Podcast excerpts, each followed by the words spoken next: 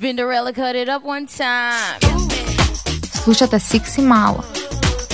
Радио емисија која ги собликува табуата до гола кожа.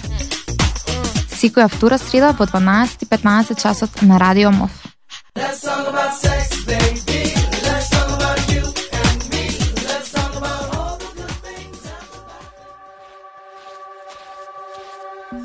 Здраво на сите, добро дојдовте во нашата епизода на Секси Мало и оваа среда се дружиме на Радио Мов. Денеска во домашните студија ве дружиме јас, Анастасија и Кате и во чест на месец јуни, месецот на гордоста, ќе зборуваме за една доста екзотична тема, за една доста интересна тема, а тоа е разликата помеѓу драк и трансрод, што е драк култура и што е трансродовост. Мислам дека би било најкултурно да ја започнам оваа епизода со еден цитат од uh, Занеле Мухоли, кој што се јужноафрикански уметници и визуелни активисти, работат на фотографија, видео и инстала... инсталација. А сега оно што е интересно за работите на Мухоли, тоа што а, се фокусира на расата, полот, сексуалноста, а, со дела кои што датираат од раните уште од раните 2000-ти и ги слават е, животите на црните лесбеки, геи, трансродови и меѓусексуални заедници во Јужна Африка. А, овој цитат што ни го носи Мухоли, а, се надевам ќе остане така заглавен во вашите черепи и ќе ви помогне да ги разбиете, сузбиете собствените инерни бариери. А, цитатот е наместо да чекам, нели, ако јас чекам некој друг да го валидира, да го потврди моето постоење, тоа ќе значи а, себе си се изневерувам. А, сега ќе имаме мал, мала кратка пауза, музичка пауза, потоа Кате ќе ви представи, ќе ви даде еден прекрасен вовед во а, нашата тема. It's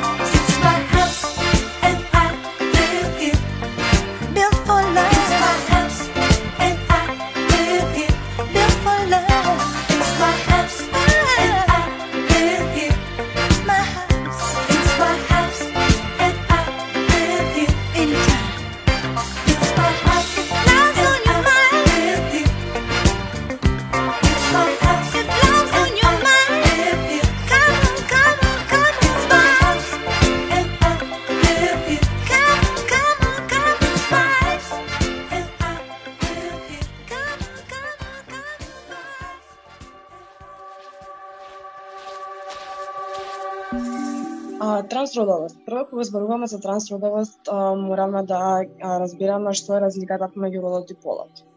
А, пред се, а, мораме да разбираме дека а, трансродовоста е а, концепт а, каде што а, една личност а, него а, не смета дека нејзиниот род се а, совпаѓа со полот кој е со кој се родила или родот кој бил припишан при раѓање.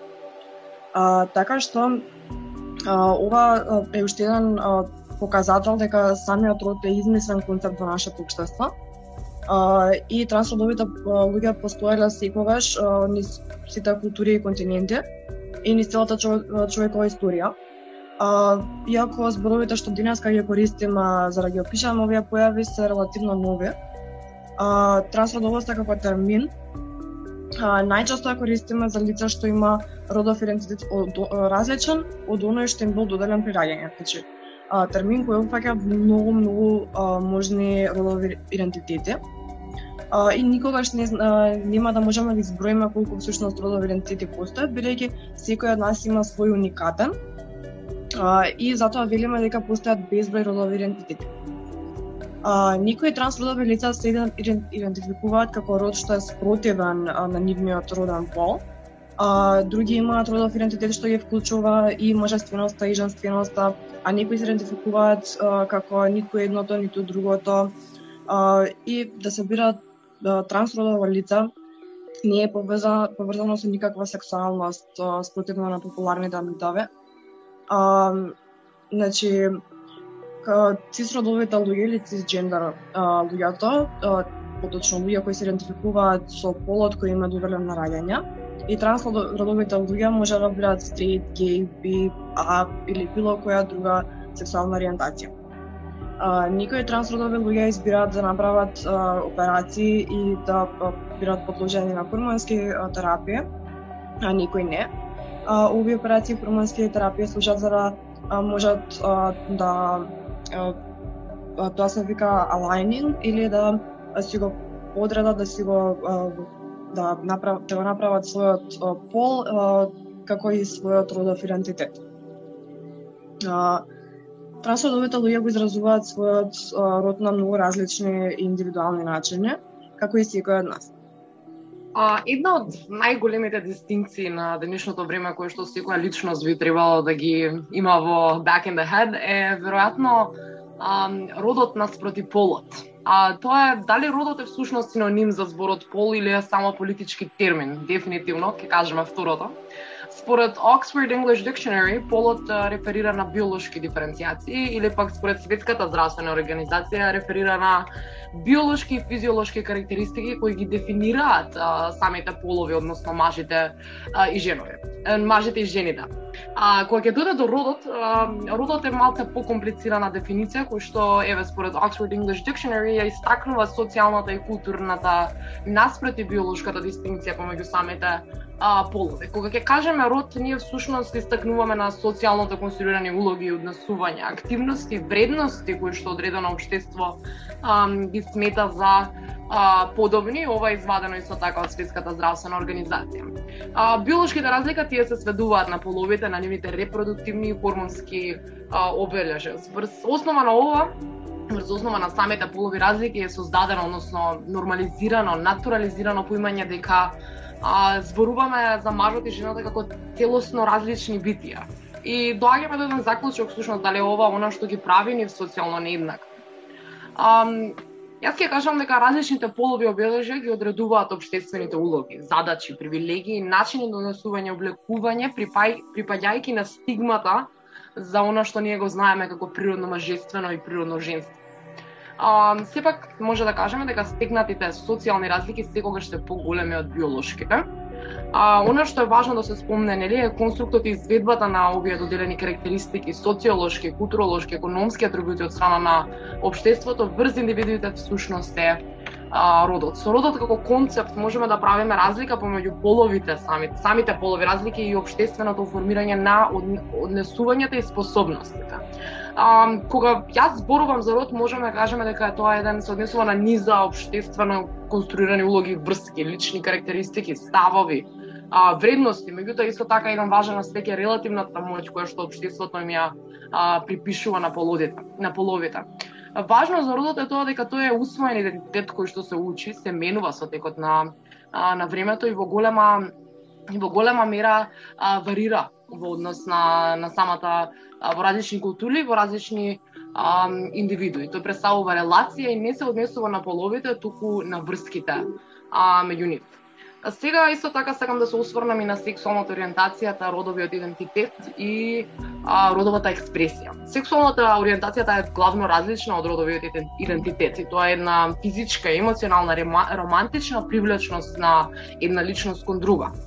А, кога зборуваме во контекст на трансродовите лица, можеме да може да бидат и стрейт, лесбијки, хомосексуалци, бисексуалци, асексуалци, било која друга сексуална а, ориентација. Како пример може да се даде лице кое што е родено со машки гениталии, може да премине со женско, а, но откако може да премине во женско, но може да биде привлечена од жени.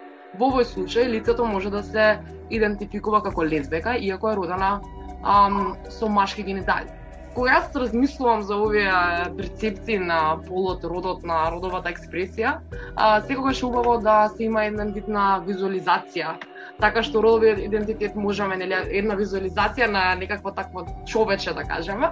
Родовиот идентитет можеме да го ставиме во черепот како нешто со кое што ја представува индивидуата, односно представува како индивидуата се доживува себе си и својата родова припадност. Сексуална ориентација секогаш оди со на old fashion срце, нели, која што ги одражува физичките, духовните, емотивните привлекувања. Биолошкиот пол можеме да го побрзаме со интимните делови, како а, нешто што се одредува според органите, хормоните а, и хромозомите. А, родовото изразување од друга страна, тоа ја представува целата личност, не аурата на личноста да кажеме и а, ни прикажува како се однесува, или како една личност се однесува во однос на начините на кои што се покажува таа родова припадност, па според однесување, стилот, а, фризурата и клични други. Ова е нешто што е многу индивидуално и ние можеме да правиме нели графички репрезентации во однос на тоа кој каде ќе оди. А, меѓутоа е многу важно да запометиме дека сепак а, останува на, на самата личност на на кој од овие на кој од овие полиња ќе се најде.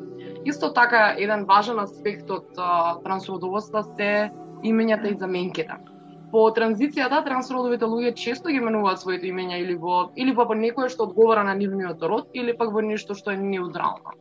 Um, доста критичен чекор во транзицијата е промена во правните документи. Дали тоа ќе вклучува возачка дозвола, картички за социјално осигурување, пасоши или кредитни картички.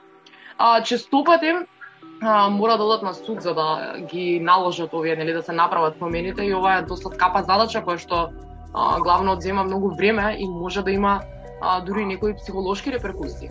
А, непристојно и неприфатливо е да се нарекува транс луѓето со нивното поранешно име.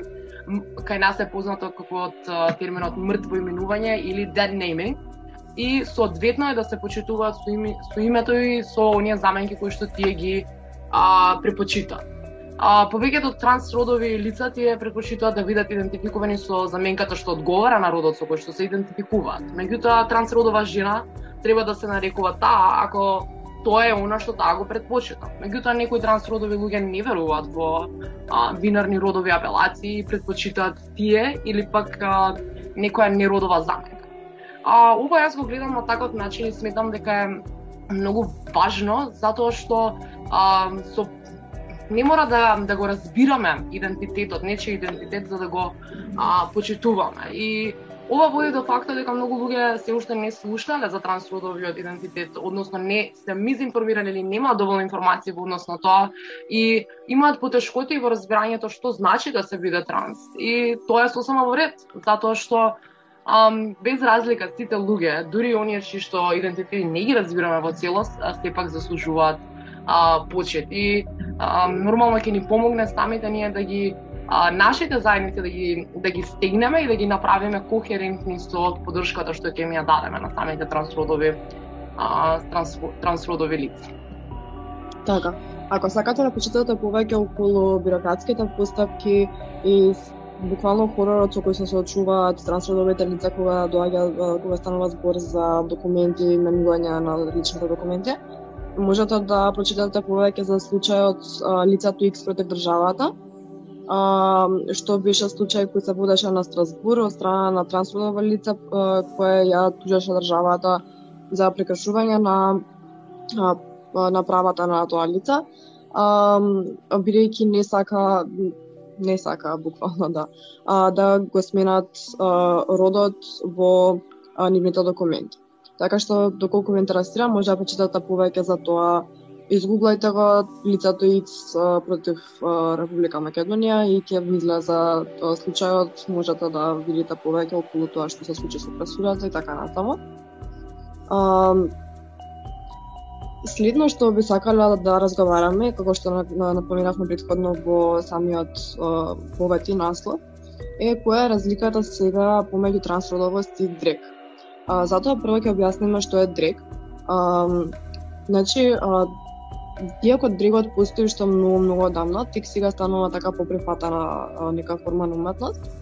А, и а, самите а, изведувачи, тоест дрек queens најчесто или kings, а, дрек кралици или а, кралеви, а, се лица кои носат така по екстравагантна а, кога зборуваме за дрекалици женска гардероба и шминка поради а, перформанси, пародија а, на и карикатура на некои стереотипи на женственост. А, се развиено уште а, како а, дури една форма на активизам огромна на самата заедница. А, како а, одговор на сите оние стереотипи кои им се доделувале на- особено на ги мажите дека се женствени, дека а, нели дека се жени и така натаму. А, и а, еден начин на борба против тие стереотипи бил а, токму зимање на истите и правење пародија од нив. Што се покажало како многу а, ефективна алатка за во битката за ЛГБТ правата. А, од другата страна, Дрик Кинг се личности кои носат а, екстравагантна, впечатлива машка облека и шминка а, за перформанс а, и изразуваат стереотипите а, за машкост. А, драгата по форма на уметност и не е поврзана со самата сексуална ориентација и родот. А, и а, всушност а, една личност а, не ја прави трансродова ако прави драг. А, Значи, драгот како уметност е само привремена форма на зимање на тие женствени или мажествени карактеристики. А, дригот како уметност понатаму има исто и корени од западната култура, каде што што многу одамна кога на жените не им било дозволено да настапуваат на сцена. А, во театарските представи тоа се случувало најчесто, мажите ги преземале нивните улоги. А, постоеле уште во античка Грција, а, па се до времето на Шекспир. А, во 19 век женските имитатори започнаа да го користат овој медиум како перформативна уметност а, и правеле своји представи. А, во 1880 година првата дрик а, кралица Вилиам Дорси Слон а, за прв пат а, емитува емисија наречена Дрек Волс со продукција во продукција од незиниот дом. А, во 20 век некада а, дригот почнал да се поврзува со логавата и задницата, а, што во тоа време била крајно маргинализирана и полна и оптоварена со предрасуди и затоа Дриго станува а, малку по непопуларна форма на уметност. Сепак продолжуваат разноразни представи, перформанси во ноќните клубови а, во Сан Франциско, Нью Йорк, Лос Анџелес и други метрополи. А, сега веќе во 21 век, кога имаме малце поголемо прифаќање на самата ЛГБТ заедница, а, исто а, се следователно поприфатени и самите дрейк изведувачи. А, културата на дрек станува феномен на поп-културата, особено се прославува со а, па, реалити шоуто RuPaul's Drag Race, каде што повеќе Дрек кралеци настапуваат и се надпреваруваат и не помеѓу други, за да добијат титула за најдобар дрек перформер. А, во емисијата исто така се зборува за битни теми и проблематики со кои се скочува самата заедница. И динаска светски познатите три кралици како, како Саша Велур, Алиса Едвардс, Бјанка Дел Рио, Трикси Мател и многу други се лицата на древот. Во Македонија е познат дрек колективот на од наречен House of Posh, Поше, како и да се чита, никогаш не научив, се извинувам. А, и е составена од четири дри кралици, но Киона, Токио Девил, Вера Версаче или Вера Вендита и Каја Мор. А, е слично на тоа да се бира кросдресар, ќе Аха, ајде, јас ќе продолжам од тука, ќе го земам подимот сега. Ам, Јас би сакала да кажам дека иако вообичаено многу да се мешаат а, како дел од ЛГБТ заедниците, нели трансродовите луѓе и драг кралиците или кралевите, кралевите тие не се нужно поврзани. Um, и можеме да кажеме дека трансродовите жени не се кросдресерс или драг кралици. Драг кралици се мажи, типично хомосексуалци кои што се облекуваат како жени заради забава. Um, ова го објаснува ЛГБТ група, која што вели дека бидете свесни за разликите помеѓу трансродовите, трансродовите жени, кра- crossdressers и драг кралиците. Користете го терминот што го предпочита поединецот. А, оваа разлика е многу важна за LGBTQ+ заедницата и застапниците на транс, затоа што помага да се покаже трајноста на нечи а, трансродов идентитет. А, да се биде трансродово лице не е прашање на облекување во различна облек, облека, тоа е постојан идентитет кој што ги следи луѓето во текот на нивниот цел а, живот и додека некои транс луѓе уживаат да се облекуваат во некој секре- екстравагантна облека за забава, чинот на облекување во облека што одговара на нечи родов идентитет одразува само еден дел од тоа што значи да се биде трансродово лице и ова многу ам, сето ова еден вид на интерконекција се врши помеѓу темите кои што ги а, обработуваме и многу е битно да да го воочиме ова. Um, затоа што само на не многу е важно да го воочиме ова затоа што само на само на ваков начин всушност сваќаме колку се присутни социјалните концепти на секаде околу нас. А, меѓутоа облеката а, нели самата родова експресија е доста присутна и во други тематики, во други социјални а, прашања и мислам дека само дури дури тек сега сваќаме а, колку е колку е релативната секундарна а, секундарен моментот на она што ќе го облечеме или како ќе се представиме и дека понекогаш дури нема врска со начинот на кој што се чувствуваме. А, многу слично на тоа да се бира кросдресер или декраница или крал, не значи дека луѓето се идентификуваат со пол различен од оној што им бил додаден при раѓање. А, некои три кралици или кралјави може да бидат дури и стрит цис родови, што значи дека тие се идентификуваат со а, родот што има додаден при раѓање и се облекуваат само за забава. Што значи кросдресинг може да варира од индивидуа до индивидуа да се разбера се ова е многу клучно да се разберат и, нијансите на родовите идентитети и изразување кои се длабоко вкоренети и ги следат скоро сите аспекти од нашиот живот. За многу транс луѓе изборот на облека што го потврдува нивниот род е само еден еден мал дел од социјалната транзиција, значи чин на излегување како транс кон семејството, пријателите и општеството како целина а, други чекори од медицински процедури до справување со тоа како реагира општеството како целина, често пати играат многу голема улога во животот на една трансличност. А, за малце подлабоко да ги разбираме овие заедници, а, ние вака ви ја препорачуваме серијата Pose, каде репрезентацијата на трансзедницата и на дрик колективите и нивното функционирање а, е одлична и навистина да уловува битката на самите заедници за обстанок и преживување и се она со кое тие се соочували и се уште се соочуваат. А, значи, од а, буквално самата репрезентација нивна до а, хомофобијата, трансфобијата, а, разноразните социоекономски а, неправди, а, борбата со ХИВ исто така во 80-те и 90-те години и навистина имам многу да се научи од оваа серија, така што топло ви ја препорачувам. А, јас сакам сега да ви се заблагодарам што не слушавте оваа среда. Се надавам дека ви помогна ова да ја видите разликата помеѓу драг и трансродовоста. А, за крај би сакала да кажам а, дека е многу многу важно да се едуцираме самите себе, така да едуцирајте се, читајте, гледајте, обзервирајте го светот околу вас и секако не заборавајте да бидете а, учтиви и полни со репер со почетнеле. А, доколку имате некои идеи за теми кои би сакале ние да ги обработиме, слободно можете да ги споделите со нас на нашите социјални мрежи, на Facebook, на страната на Секси Мала и на Instagram at Heramladi.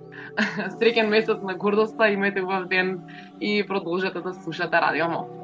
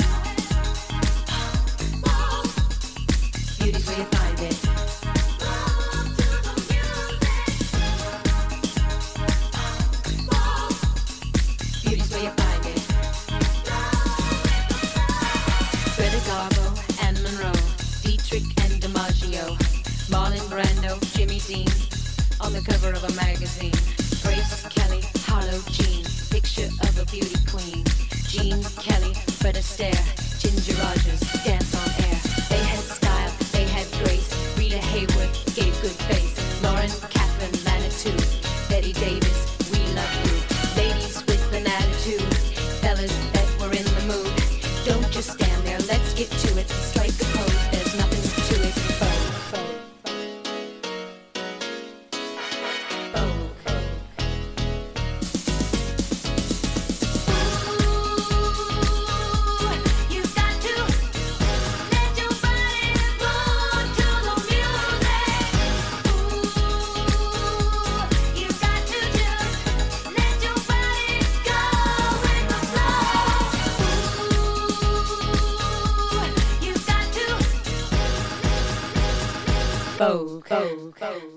Spinderella cut it up one time.